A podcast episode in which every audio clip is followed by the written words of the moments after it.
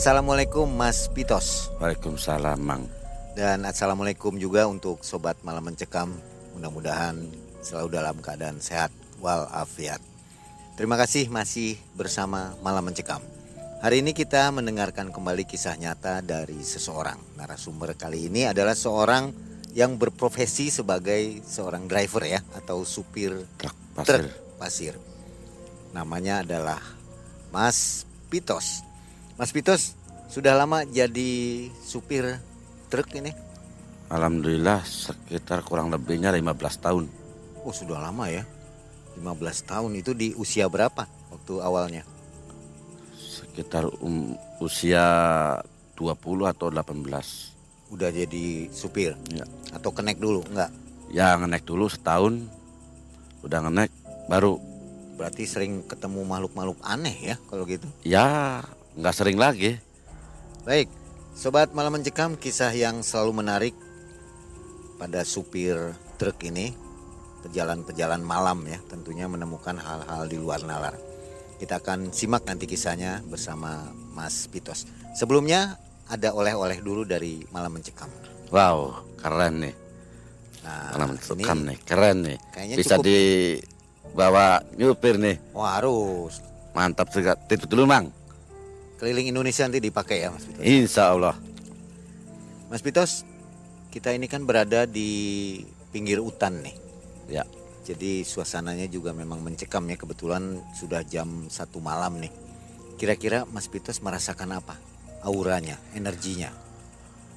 Ya ada sih sesosok yang ngeliatin ke saya tuh ada.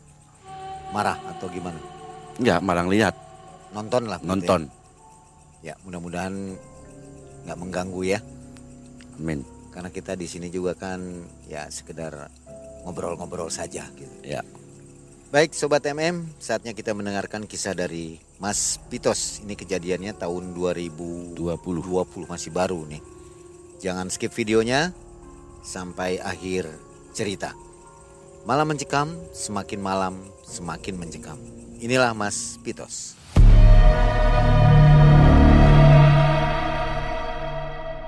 Awalnya gini Mang. Di tahun 2020 saya ada belan dari bos. Disuruh berangkat. Sekitar jam 10 malam. Pas waktu malam Jumat Kliwon. Di situ saya juga ragu ini malam Jumat Kliwon, Mang. Cuman di mana lagi? Kebutuhan. Jadi saya berangkatlah dengan baca bismillah.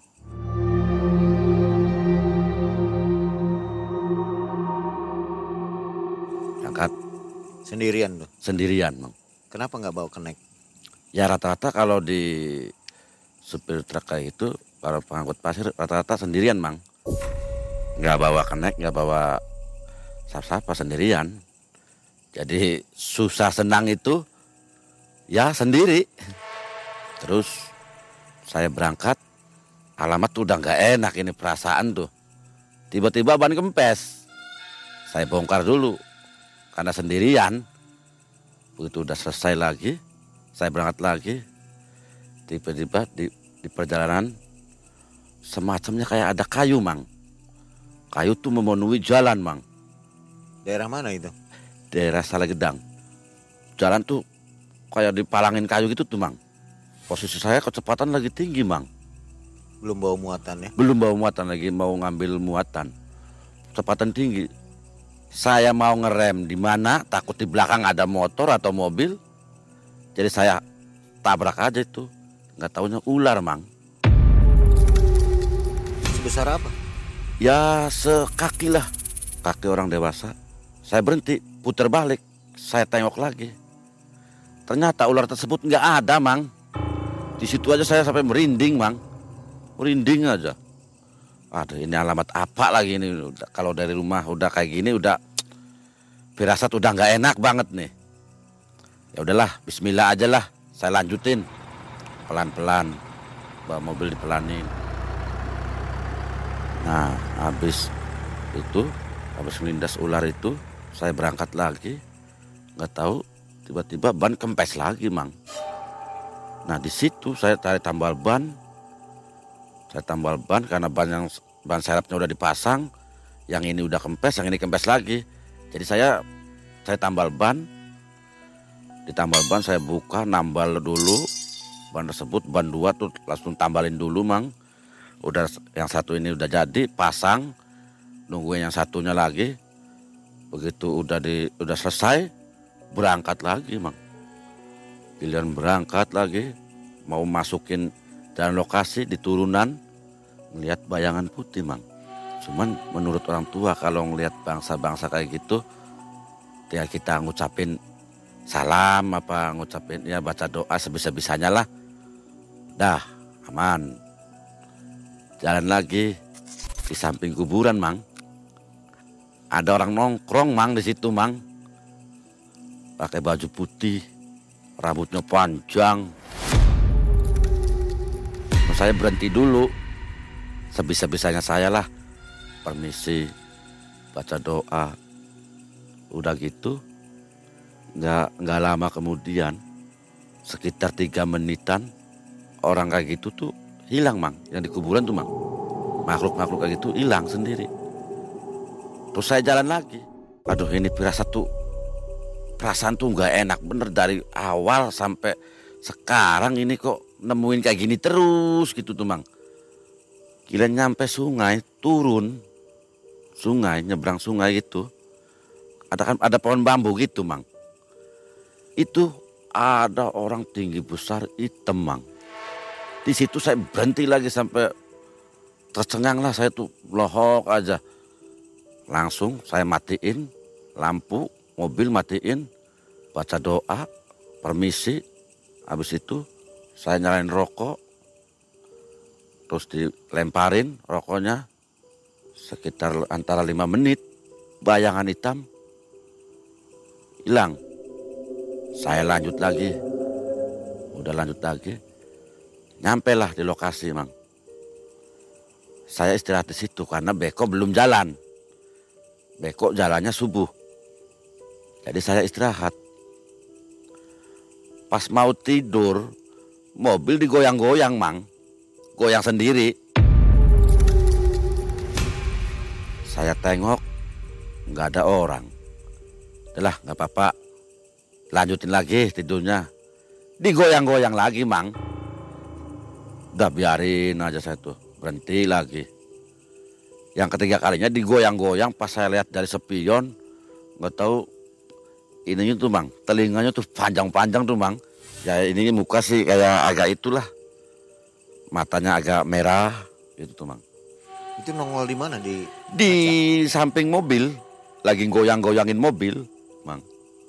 Cuma saya nggak takut ya, nggak berani keluar Jadi ngintip begitu. dari spion.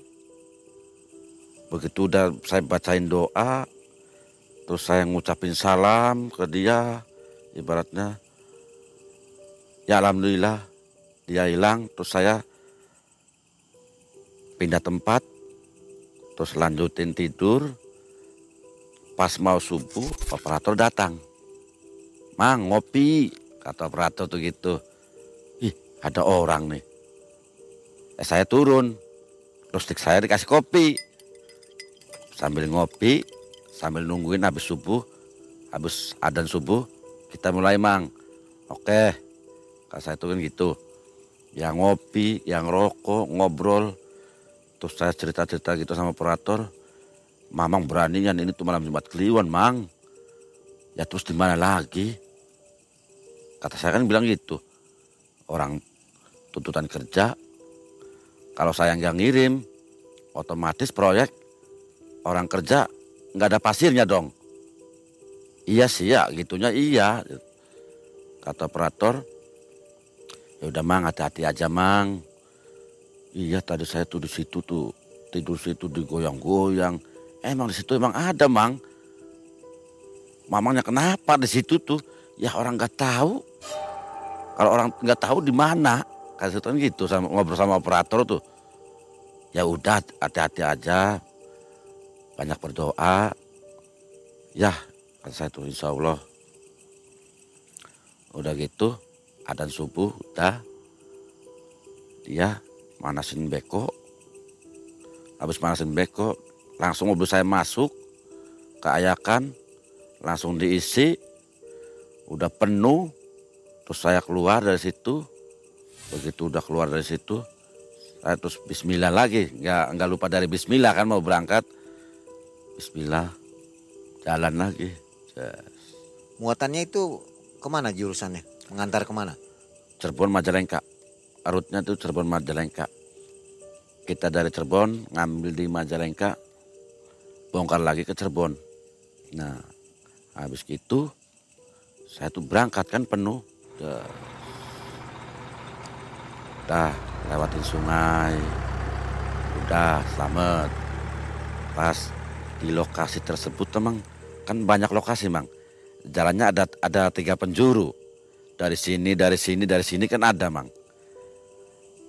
kebetulan teman saya dari sini lokasi sebelah ngalip saya mang mau nanjak tuh mang jadi saya tuh berhenti tapi saya ngelihat di mobil teman saya tuh ada bayangan putih di atas mobilnya kasih tuh kasih tuh itu apa itu udah siang kan Ya masih kalau habis subuh kan jam setengah jam setengah enam kurang lah mang. Kalau di lokasi sana masih gelap, gelap mang. Ya? Iya mang. Itu ada bayangan putih mang. Nggak tahu dia nanjak duluan mobil tersebut nggak tahu mau sedikit lagi mau nyampe tiba-tiba mobil tersebut asnya patah mang mundur lagi sampai mobil dia tuh malik mang saya turun nyelamatin teman saya. Alhamdulillahnya tuh teman saya supirnya tuh nggak apa-apa mang. Cuman ya wajar lah, lecet-lecet dikit sih lah. Begitu udah banyak orang, saya langsung nanjak lagi ngucapin amit buyut, anak putu, penwulu liwat. Ya alhamdulillah mang, selamat sampai nanjak sampai ini, selamat di jalan. Nah di situ banyak kempes lagi mang. Aduh sengsaranya minta ampun mang kalau itu udah pirasat tuh udah nggak enak banget mang di situ udah udah nggak enak. Selalu diganjar sama ban kempes tuh. Udah masuk jalan aspal? Ya belum masuk jalan aspal jalan rayanya belum. Masih sekitar lokasi tersebut mang. Jadi saya tuh ganti ban lagi, nunggu tambal ban, takutnya kempes lagi mang jadi saya tuh sambil nungguin tambal ban tuh ya sambil istirahat tiduran sebentar begitu udah beres nambal berangkat lagi alhamdulillah selamat sampai bongkaran. Begitu udah bongkar mang. Itu sengsaranya minta ampun mang. Posisi ban tuh nggak ambles nggak apa mang. Tapi si mobil nggak bisa jalan mang. Nggak bisa jalan langsung ini nggak bisa. Diem dari situ. Si roda tuh eh, si bantu muter memang ini kenapa? Hujan enggak apa enggak ambles enggak. Saya kasih pasir lagi. Tetap aja nggak jalan-jalan. Di situ ada orang. Ya orang situnya sih mang. Mang kencingin aja itu banyak terus udah diemin mamanya ngerokok atau ngopi sana di warung. Saya ngikutin kata orang situ saya, saya, saya ikutin. Saya kencingin si ban tersebut tuh mang terus tinggal pergi ngopi ambil ngerokok beli sarapan lah pinjam motor satpam mobil saya kunciin semua saya pergi ke depan saya sarapan ngopi ngerokok Udah ngopi, udah ngerokok, udah selesai, balik lagi. Begitu udah starter, yang herannya tuh mang, langsung mang jalan. Yang saya bikin herannya tuh mang, tuh di situ. Itu daerah mana tuh kira-kira? Daerah sekitar Duku Puntang mang, proyek. Di proyek Duku Puntang. Jadi setiap yang lewat situ kejadiannya seperti itu? Iya. Nah terus saya nggak langsung pulang mang, terus. Itu saya pulang-pulang dua hari dua malam bang di mobil terus hidup di mobil. Dua hari dua malam. Nah habis itu narik lagi. Malamnya narik lagi karena proyeknya apa kebutuhan proyek lagi posisi lagi kepepet jadi saya terus narik terus. Nah terus gitu saya tuh pas malam lagi mang. Saya ngambil beda lokasi. Tadinya di lokasi ya masih sekitaran Majalengka mang. Cuman beda nama tuh mang. Daerah Bali Bis. Ngantri-ngantri juga. Ngantri pas di di bawah pohon besar mang saya istirahat tuh mang. Mimpinya bukan main. Leher digorok terus kepala dicangking gini mang. Di teng-teng gini tuh. Saya tuh ini ada apa lagi? Ini tuh kayak gini. Saya pindah pindah ke bawah. Istirahat di bawah. Nggak tahunya mang. Di bawahnya tuh mang banyak anak kecil mang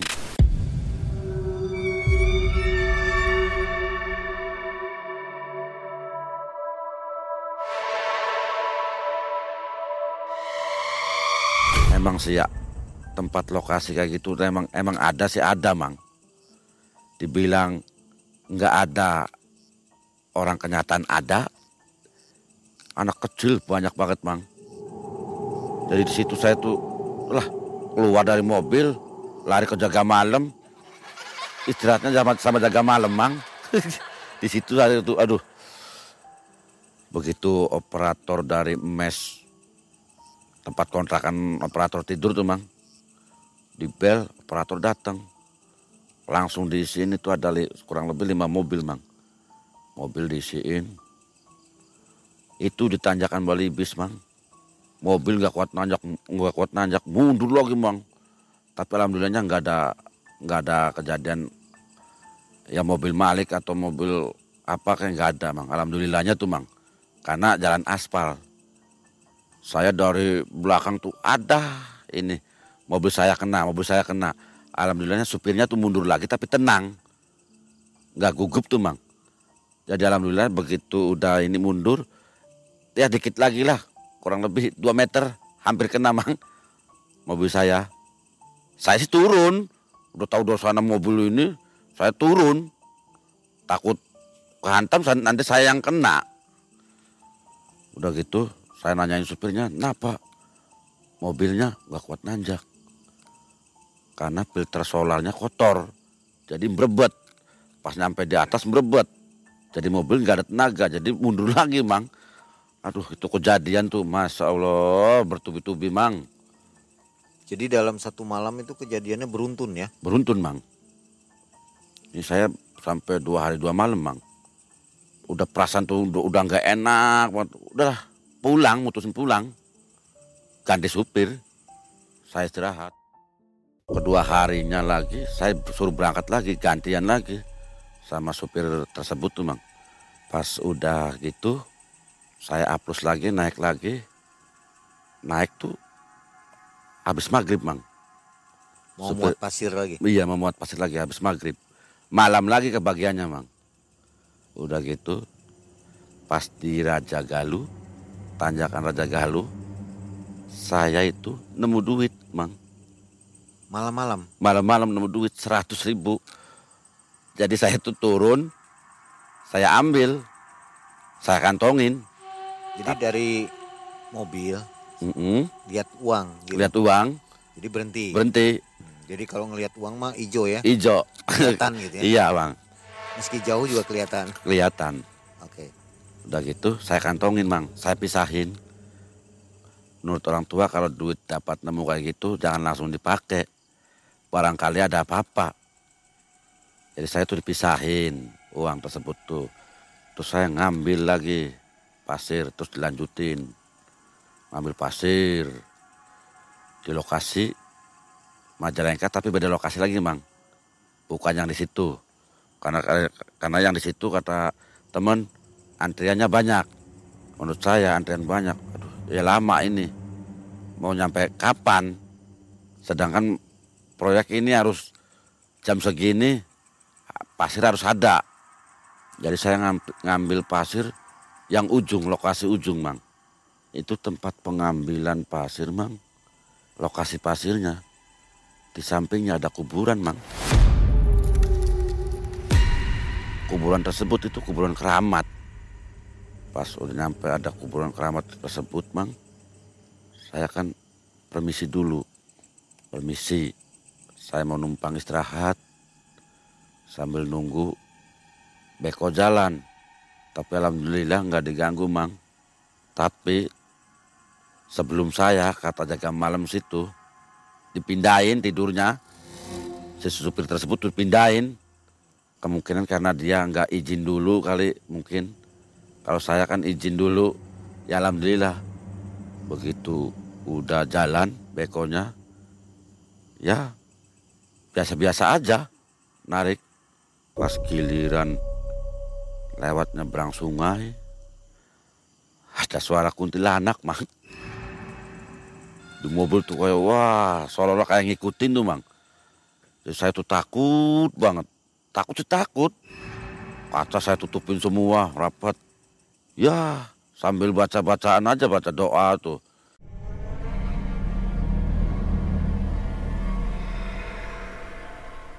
Sebisa-bisanya saya di tempat yang agak terang.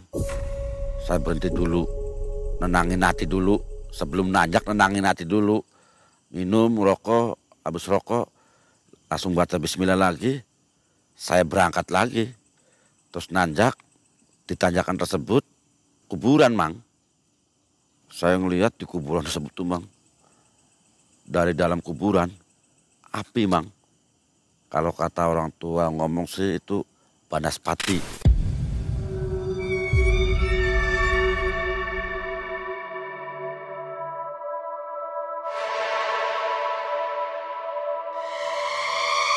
Wah itu dari dari situ mang. Begitu udah nanjak langsung saya tancap gas aja mang takutnya minta ampun di situ mang. Tancap gas wah.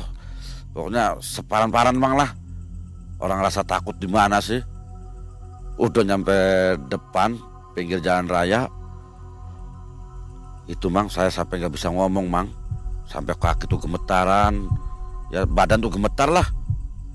Terus saya ngomong apa ngobrol-ngobrol sama orang tukang parkir itu emang yang parkirin di jalan tuh mang cerita-cerita gitu kata tukang parkir ya maaf kamunya permisi enggak lewat situ. Kata tuh enggak. Ya sebenarnya kalau lewat itu kamu tuh harus permisi. Nah udah udah kayak gitu saya lanjutin. Terus sampai sore saya turun lagi mang. Saya istirahat di rumah tidur mang. Saya tuh saking capeknya saya tidur tidur di mimpinya enak mang. Saya tuh didatangin. Kalau kata orang tua tak orang tua zaman dulu sih itu gulang-gulang tak apa mang? Saya tanya geluntungan gitu tapi ada rantainya tuh mang. Kasih tuh ini apa lagi? Mimpi apa lagi? Gitu begitu udah subuh saya sholat subuh di masjid. Saya tanya sama kiai. Kiai jawabnya kamunya habis nemu apa apa habis ngapain. Saya ingat saya nemu uang pak kiai. Di mana? Di sini. Diselusurin sama kiai. Itu uang pesugihan mang uang cari tumbal. Kata orang zaman sekarang sih orang nyupang. Cuma ingin cari tumbalnya dengan cara kayak gitu waduh pas itu berat banget ini. Untung belum dibelanjain ya. Untung saya itu belum dibelanjain bener omongan orang tua. Kalau nemu uang kayak gitu jangan langsung dibelanjain. Jadi jalan jalannya di mana jalan solusinya di mana Pak Kiai? Ini uangnya masih ada Pak Kiai. Coba saya lihat uangnya. Begitu dilihat sama Pak Kiai kamu taruh lagi di situ. Di mana kamu tempat nemu itu uang tersebut simpan lagi di situ terus sama saya tuh enggak saya kan posisinya lagi libur mang. Jadi saya tuh lain hari begitu berangkat lagi saya taruh lagi situ. Itu saya hampir mang. Hampir jadi tumbal kayak gitu tuh. Hampir hampir. Terus saya udah gitu saya simpen lagi uangnya. Saya lanjut lagi.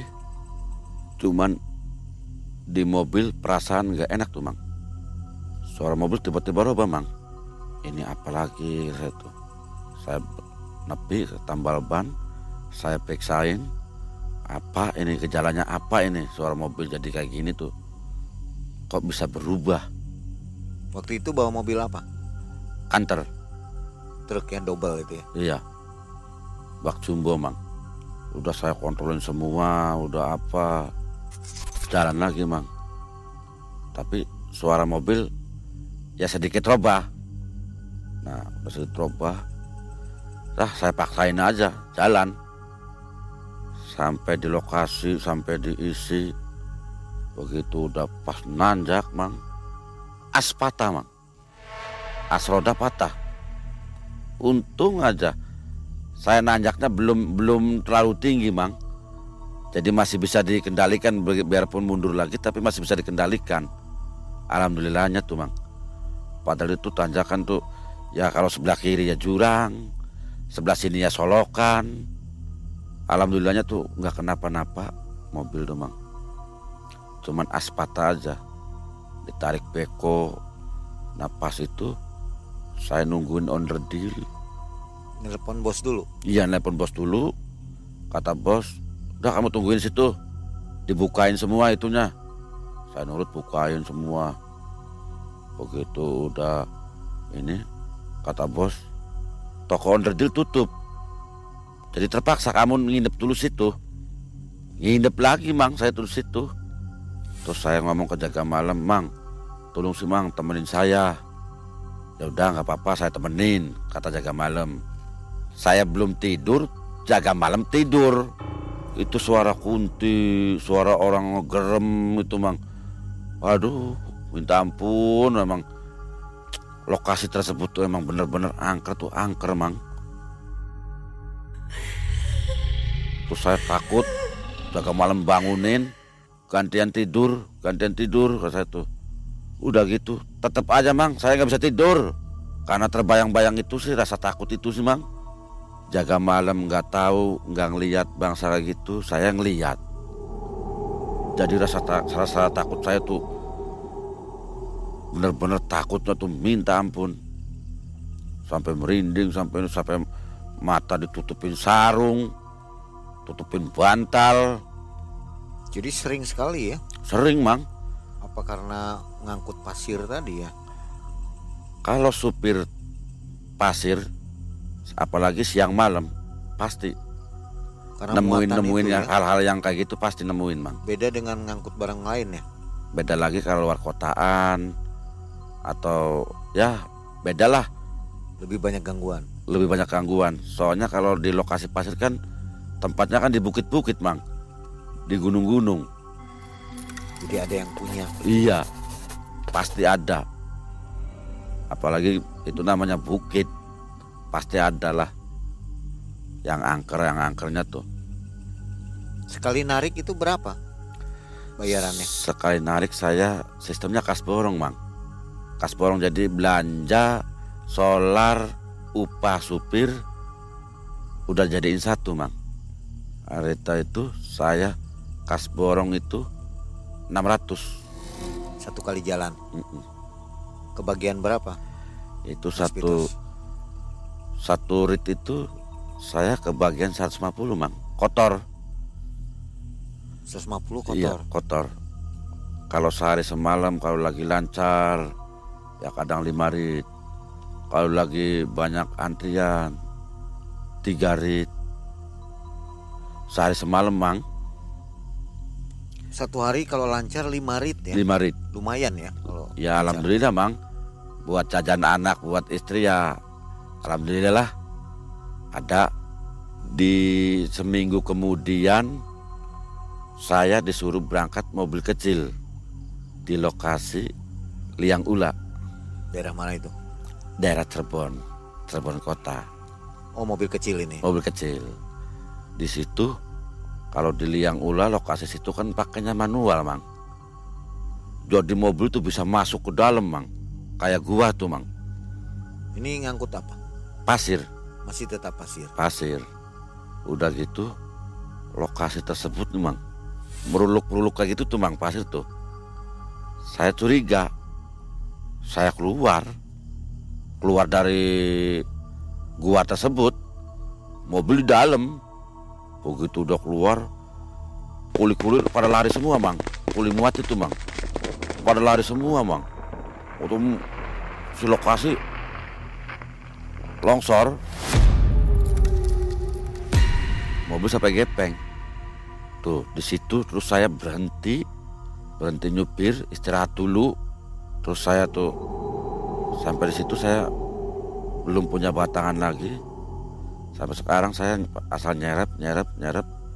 Ada orang yang suruh berangkat berangkat. Ada yang meninggal waktu itu tertimpa longsoran. alhamdulillah mang. Nggak ada sih. Mobil aja. Dari situ kapok berhenti dulu, berhenti dulu. Nenangin pikiran dulu mang. Trauma ya. trauma. Sudah lama saya disuruh berangkat cuman kebutuhan. Uang udah habis mau rokok juga susah. Jadi terpaksa saya berangkat beraniin diri tapi berangkat juga masih berdua mang. Nggak sendirian. Jadi supir sama supir. Waktu itu saya bawa kosongan yang isian teman saya. Ternyata nggak dapat duit mang. Habis di jalan aja mang. Biaya operasionalnya jadi tinggi ya. Iya. Karena dapat dua rit buat makan sama buat rokok aja udah berapa habis. Boro-boro buat bawa ke rumah buat istri sama anak. Jadi diputusin saya berdua itu putusin adalah kamu hari apa saya hari apa ntar patokannya kamu turun pagi atau sore saya jadwal gitu ternyata teman saya mau jadi akhirnya bergantian mang. Hari ini saya, entar besoknya dia berangkat. Tapi sekarang masih jalan, Alhamdulillah masih mang, masih ya. Hari Masih. ini istirahat, istirahat. masih tetap di pasir. Iya masih tetap di pasir, karena kalau di pasir kan termasuk usaha saya mang. Itu. Meskipun banyak gangguan ya. Iya, soalnya saya udah tahu dari dulu, emang di lokasi tersebut tuh pasti gangguan-gangguan tersebut tuh, apalagi sampai makhluk-makhluk kayak gitu pasti ada mang. Saya percaya. Terus yang lebih hebatnya lagi nih mang, di lokasi liang ula mang, itu ada suara yang gerem mang. Saya lihat yang tadi, iya, yang uruk gitu. Iya mang Saya ngeliat sendiri mang Matanya merah Tinggi besar Hitam Kalau menurut saya sih itu Semacamnya kaos Bergola apa buta hijau lah. Semacamnya kayak gitulah. Saya tuh aduh Masya Allah. Ini baru kali ini saya ngelihat Model-model kayak gini baru. Dari pengalaman ini ada pesan nggak untuk para supir-supir truk lainnya? pesan saya untuk mencari nafkah sih terus. Untuk menafkahi anak istri atau keluarga terus jangan kasih kendor lah jajak terus Mungkin Kalau menurut ditambah jangan lupa berdoa ya. nah jangan lupa berdoa lagi terutama itu berdoa kita kalau mau berangkat ya berdoa kalau habis turun dari mobil ya harus berdoa lagi Walau berdoa saja Mas Pitos masih ngalamin hal-hal goib itu ya. tetap mang. Apalagi enggak mungkin. apalagi enggak kan gitu saya aja yang berdoa aja tetap tetap ngalamin. Tapi semua supir juga pasti ngalamin mang. Kalau supir material itu pasti ngalamin. Apalagi yang selalu jalan malam ya. iya apalagi yang selalu jalan malam. Pasti ngalamin. Hal-hal yang kayak gitu kayak gitu pasti ngalamin. Pasti nemuin lah. Gitu. Perjalanan paling jauh ke mana? perjalanan yang paling jauh Jati Gede atau Sumedang Angkat pasir. Batu Sumedang Gebang Itu paling jauh ya. paling jauh Aman tuh. aman itu aman Kenapa itu bisa aman? karena kita berangkat itu kompoi mang enggak sat enggak masing-masing enggak berangkat tuh ada mobil 5, 6 jadi selalu ini tuh mang Beriringan. iya Oh, kalau itu dia fungsinya udah ya. selesai duluan muat nungguin di sini terus saya habis selesai lagi muat nungguin sini jadi berangkat bersama pulangnya bersama. Barangkali ada yang kempes, ya nungguin satu, nungguin semua, Mang. Ya. Itu. Sampai sekarang seperti itu. Iya, alhamdulillah. Oh, jadi kuncinya itu ya, Yang penting kita sama teman itu saling kompak. kompak lah. Oke. Dah. Baik, sobat malam mencekam untuk Anda yang berprofesi sebagai supir ya. Mungkin dari kisah ini bisa diambil hikmahnya bahwa menyupir malam hari juga banyak bahayanya ya. Jadi Iya. lebih berhati-hati, jangan lupa berdoa. Mungkin itu pesannya tadi. Ya. Terima kasih Mas Pitos atas kisah yang menarik ini. Mudah-mudahan selalu lancar ya usahanya. Amin. Akhirnya Mang Ei dan tim undur diri. Assalamualaikum warahmatullahi wabarakatuh. Waalaikumsalam warahmatullahi wabarakatuh.